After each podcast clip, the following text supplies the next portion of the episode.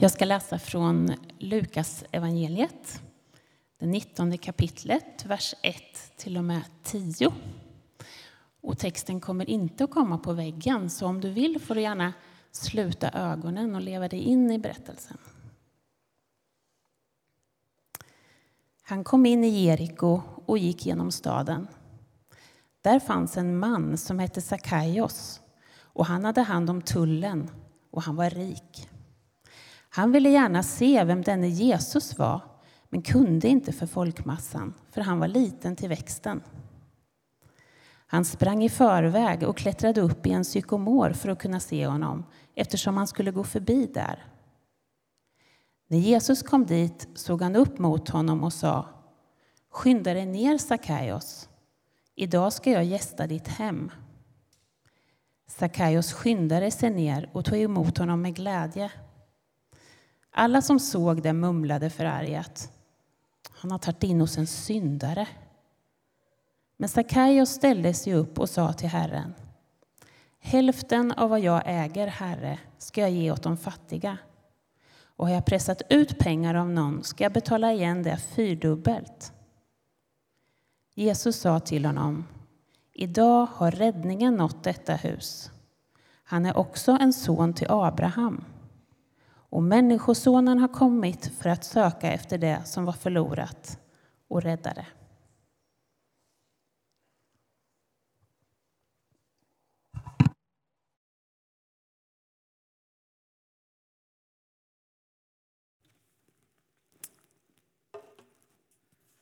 Tack Camilla.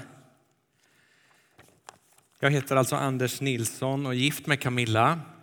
Och jag har varit med i den här församlingen sen jag kom hit till stan för snart 30 år sedan faktiskt.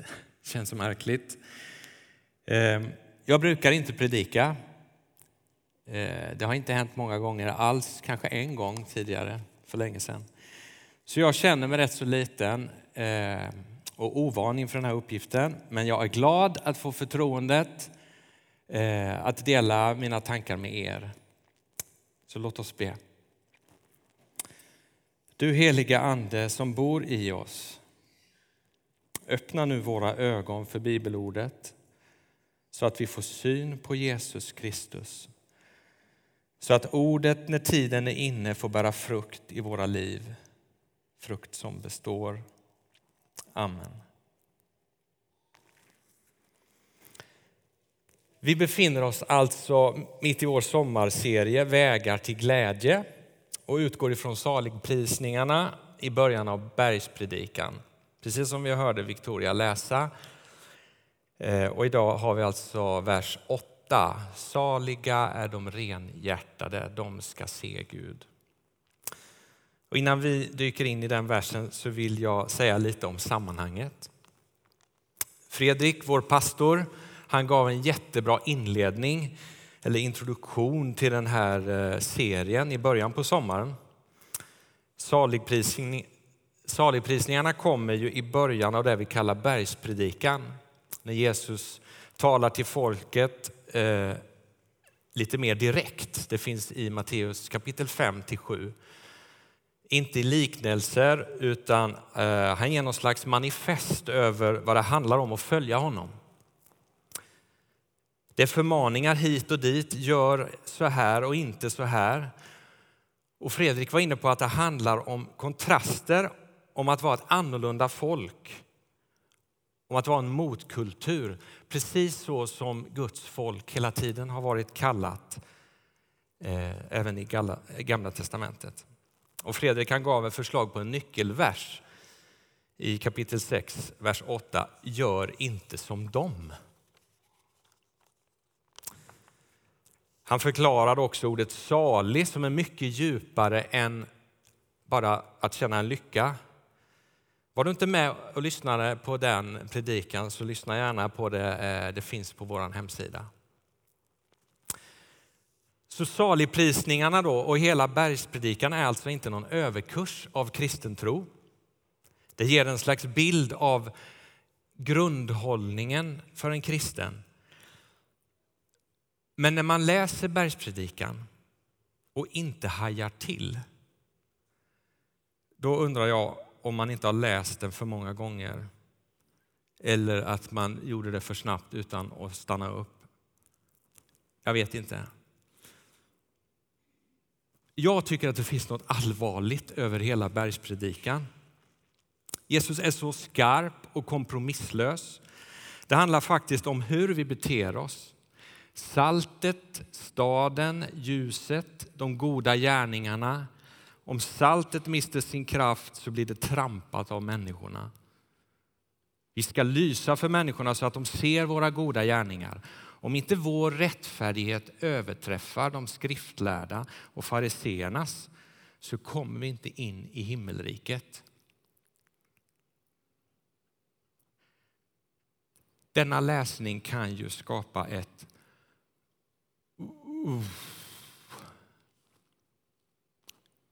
jag fixar inte det här. Den känslan över bergspredikan vill jag ha med som en bakgrund till dagens predikan. För jag tror att vi lätt hamnar i en olycklig tankegång då vi läser dagens vers. Att vi först behöver ha ett rent hjärta för att kunna möta Gud. Och som kontrast till den här tankegången så har vi texten som vi lyssnade till om Sakaios som fick möta Jesu blick och som det står skyndade sig ner och tog emot honom med glädje. Hur kan dagens vers visa oss på en väg till glädje? Okej, okay, saliga är de renhjärtade, de ska se Gud. Vad betyder då renhjärtade? I grundtexten så har vi två grekiska ord, ren och hjärta. Hjärtat i bibeltexterna betyder väldigt lite av det som vi i vår kultur förknippar med hjärtat. Vi säger till exempel att det ska kännas rätt i hjärtat. Eller man ska följa sitt hjärta, vilket vi också kopplar till någon slags intuition om vår upplevelse av en inre känsla om vad som är rätt. I Bibeln handlar det mer om vår centralstation. Vår vilja, våra tankar, det som styr våra liv. Jag hörde nyligen teologen Åsa Molin tala om hjärtat eh, i Bibeln och använde ett ord som jag inte hört förut. Hon sa att hjärtat är vår styrhytt. I Ordspråksboken 4.23 så står det om hjärtat mer än allt annat Vakta ditt hjärta, ty hjärtat styr ditt liv. Eller som det stod i gamla översättningen, ty därifrån utgår livet. Det handlar alltså om, om mina intentioner, min djupa avsikt, mina motiv och drivkrafter. Så vad är då det rena hjärtat? Det grekiska ordet i grundtexten, som jag inte kommer ihåg, har betydelsen ren, klar, äkta. I alla fall om man slår på Wikipedia. Då har jag avslöjat min grekiska okunnighet. Eh, men enligt teologen Anders Sjöberg så är innebörden av det här ordet transparens, alltså genomskinlighet. Och jag tycker det sammanfattar eh, de, de här tre orden från Wikipedia väldigt bra. Ren, klar, äkta. Det rena hjärtat är alltså den ogrumlade viljan, de ogrumlade motiven eller den ogrumlade drivkraften. Där inget skymmer sikten. Det man ser är det det är. Det är sant rakt igenom.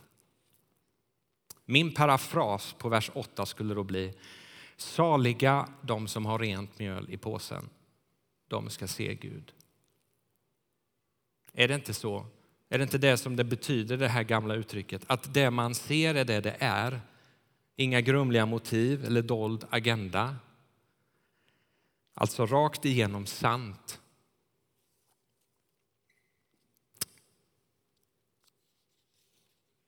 I slutet på Jesu liv, när han stod anklagad av fariseerna inför Pilatus, anklagad för hädelse, alltså att han hade talat osant om sig själv i relation till Gud. Så säger han till Pilatus, jag har fötts och kommit hit till världen för denna enda sak, att vittna för sanningen. Den som hör till sanningen lyssnar till min röst. När Pilatus hörde det så frågade han vad är sanning? Och han fick inget svar från Jesus, i alla fall inte då. Däremot så hade Jesus tidigare inför sina lärjungar i avskedstalet sagt så här. Jag är vägen, sanningen och livet. Ingen kommer till Fadern utom genom mig. Om Jesus säger att han är sanningen så måste det betyda att allt som är sant på något sätt är förenat med honom. Oavsett var det kommer ifrån. Är något sant så är på något sätt Jesus helt enkelt där.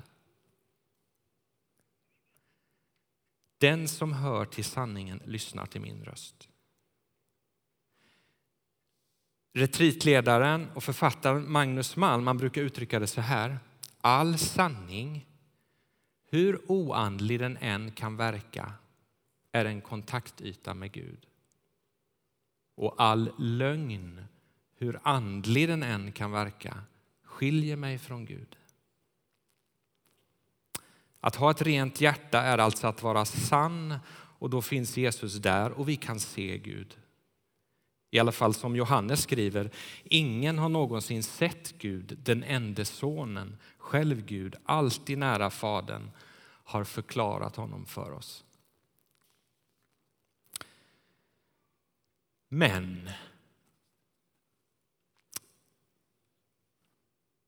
allt som oftast så är det grumligt i vårt hjärta. Vad är det jag vill egentligen?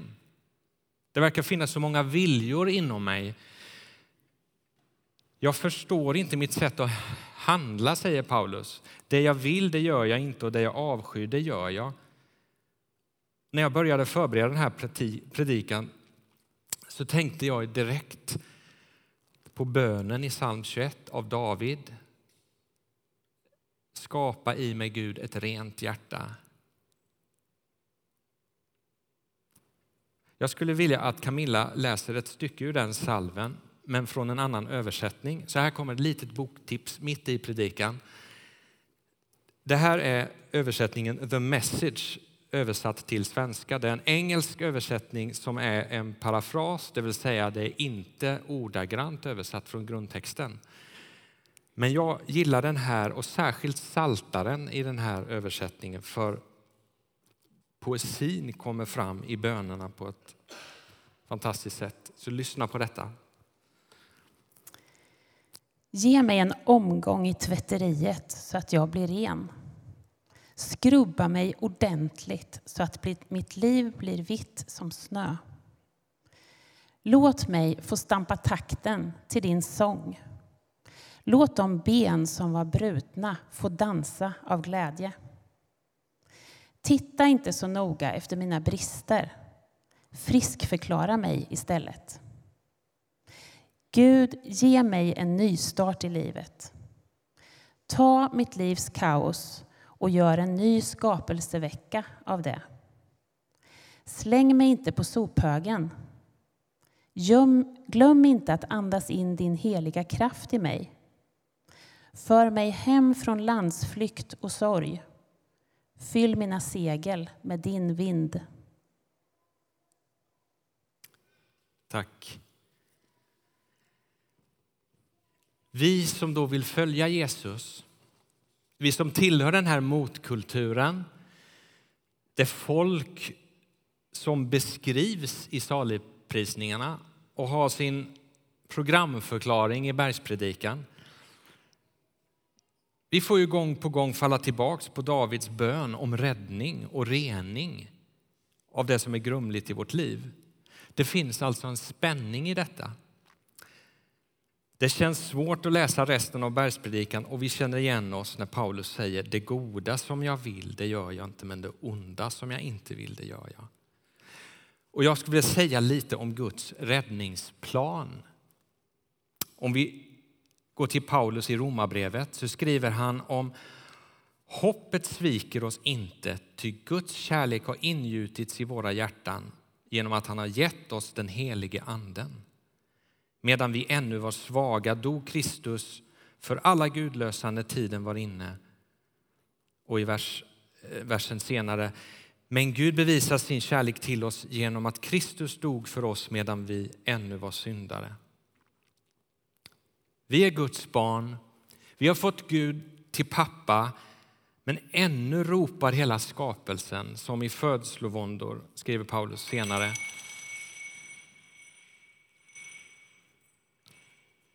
Och han fortsätter, och till och med vi, vi som har fått anden som en första gåva, också vi ropar i vår väntan på att Gud ska göra oss till söner och befria vår kropp. Räddningsaktionen har bara påbörjats. Även om döden är besegrad en gång för alla då Jesus dog så pågår hans räddningsaktion för fullt. Johannes skriver i sitt första brev Mina kära, nu är vi Guds barn, men det har ännu inte blivit uppenbart vad vi kommer att bli. Vi vet dock att när han uppenbarar sig kommer vi att bli lika honom. Ty då, ty då får vi se honom sådan han är. Var och en som har detta hopp till honom renar sig själv liksom han är ren.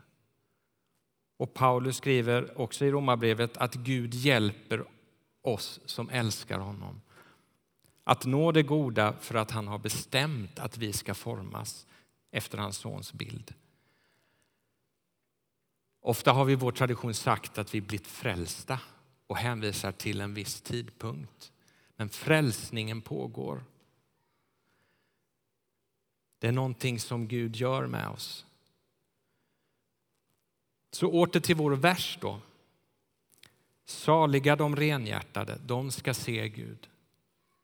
Det är ju lätt att se hur den här versen kopplar till den här målbilden som Paulus och Johannes skriver om. Att vi en dag ska få se Gud ansikte mot ansikte, som det står i första Korintierbrevet.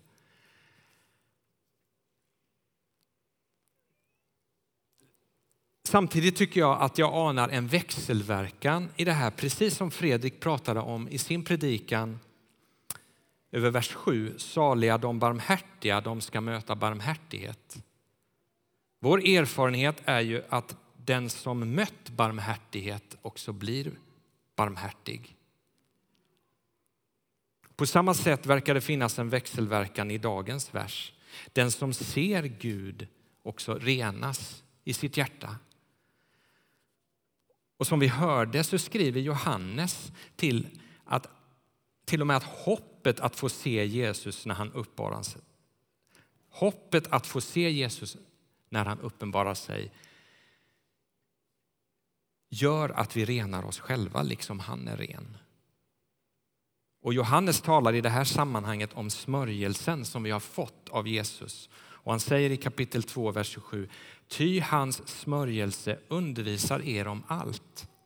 Den talar sanning och inte lögn. Gör som den har lärt er, förbli i honom. Och Paulus skriver i Efesierbrevet att vi ska låta oss uppfyllas av Anden.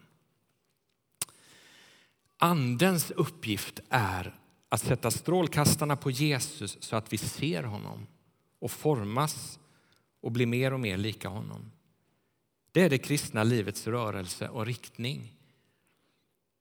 Det är Guds räddningsaktion. Till församlingen i Filippi skriver Paulus Arbeta med bävan och fruktan på er frälsning. Och det här skriver han i ett sammanhang med en lång utläggning över att leva med Kristus som förebild. Och sen kommer orden Ty det är Gud som verkar i er så att ni i både vilja och handling förverkligar hans syften. Peter Halldorf skriver i sin bok Drick djupt av anden att anden inte ger oss för de goda upplevelsernas skull utan för människans förvandling till Kristi likhet.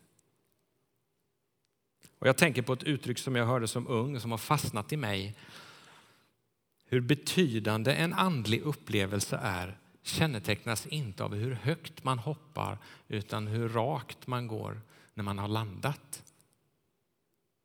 Vad hände med mig? Vilken frukt bär det? Precis som Jesus ganska skarpa ord om urskiljningen. Antingen får man säga att trädet är bra och frukten bra.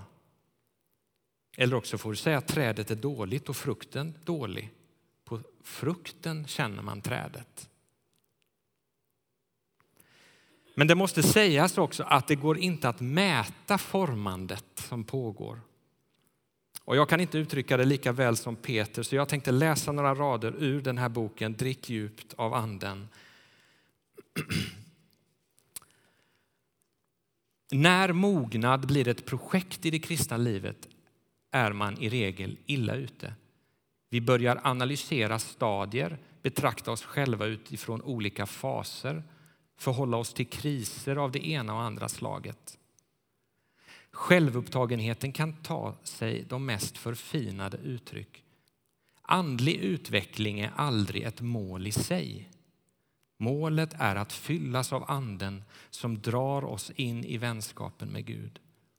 Eller för att använda en annan av Jesu bilder, att bli en gren i vinträdet. Grenen kan inte bära frukt. Kan, grenen kan inte hjälpa att frukten kommer endast tillåta den att växa. På samma sätt blir allt tal om växt och mognad irrelevant för den som är förälskad i Gud och betagen av vänskapen med honom. Det kommer av sig själv, stilla och obemärkt för den egna själen. Hon sjunger nu på en enda sång. Min vän är min och jag är hans.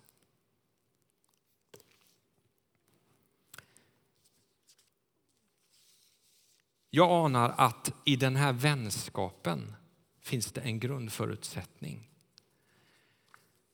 Jesus säger också, jag kallar er vänner.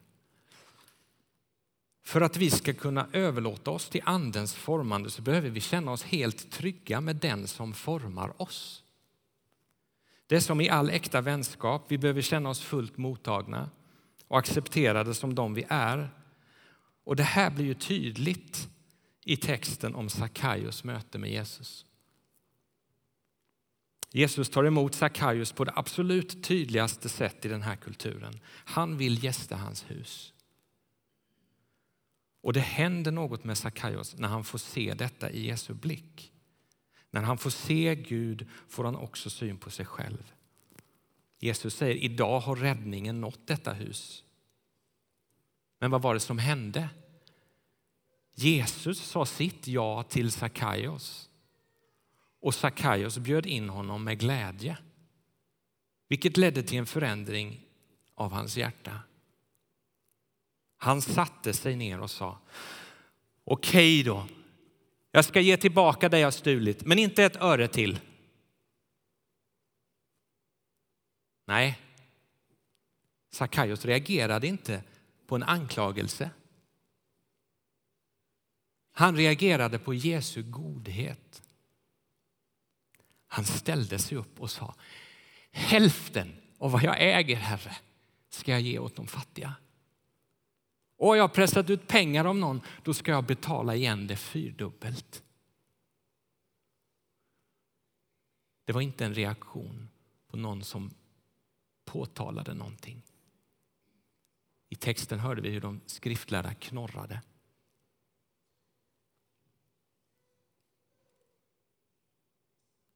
Och Jesus varnar oss för att bli som de skriftlärda.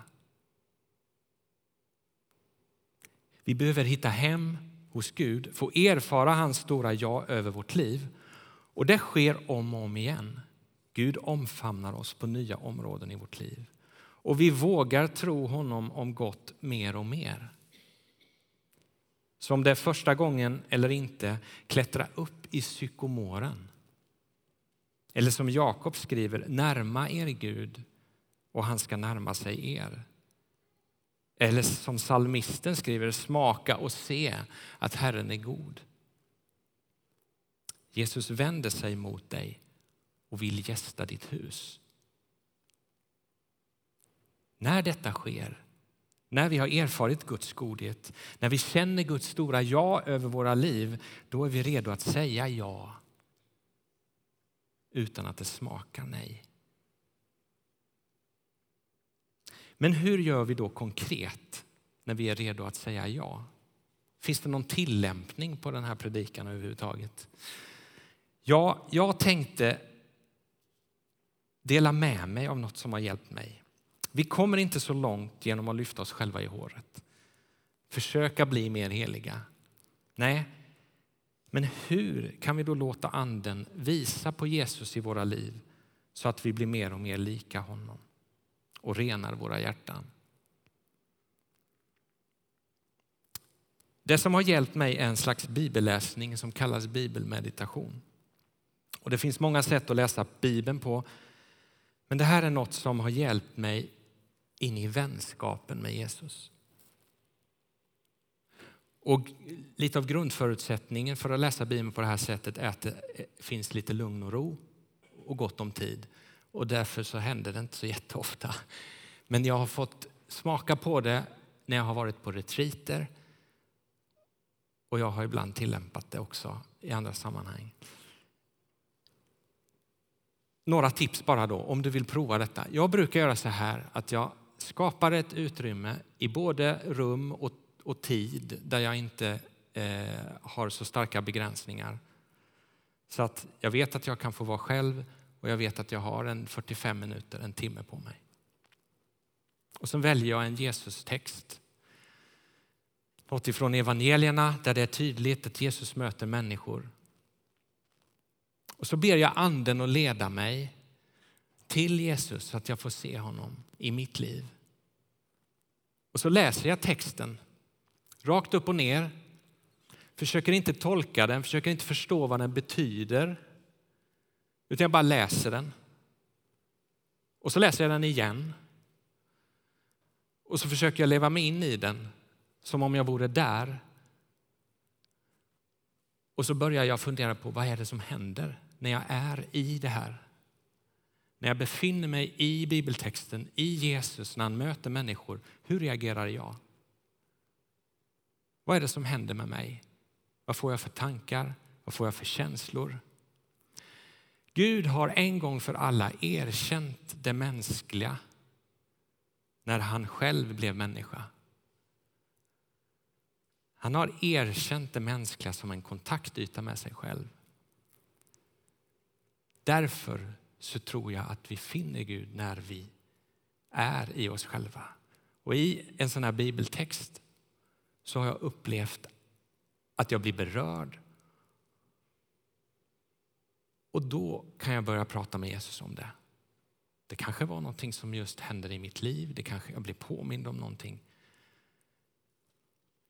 Och så får jag ha ett samtal med Jesus om det och så har jag mött att han finns där och det har varit en stark andlig upplevelse av hur den heliga anden har visat mig på Jesus i mitt eget liv. Avslutningsvis då så vill jag säga något mer personligt om hur vi ska förhålla oss till bergspredikan.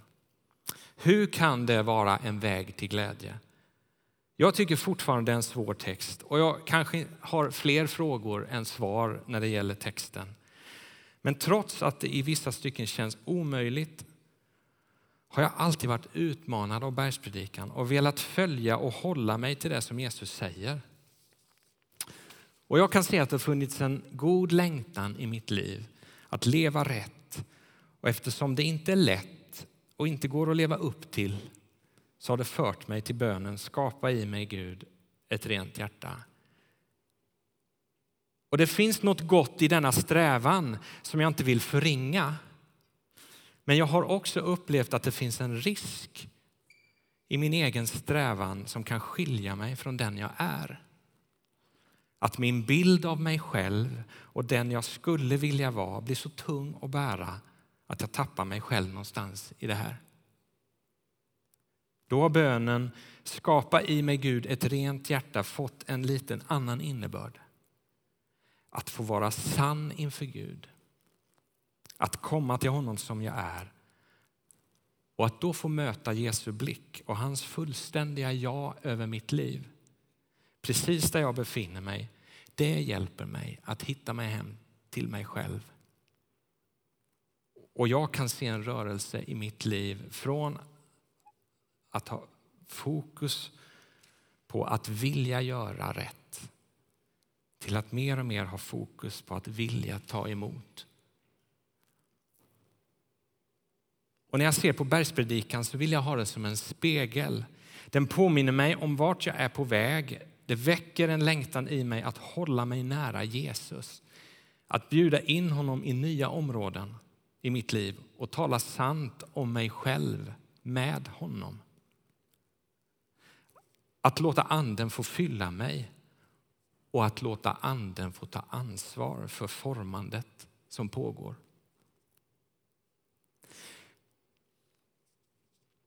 Så på något sätt så känner jag igen mig i Sakaios. När jag möter Jesu blick i bibelläsning, i bönen och reflektionen då skyndar jag mig hem till mig själv och tar emot honom med glädje. Låt oss be.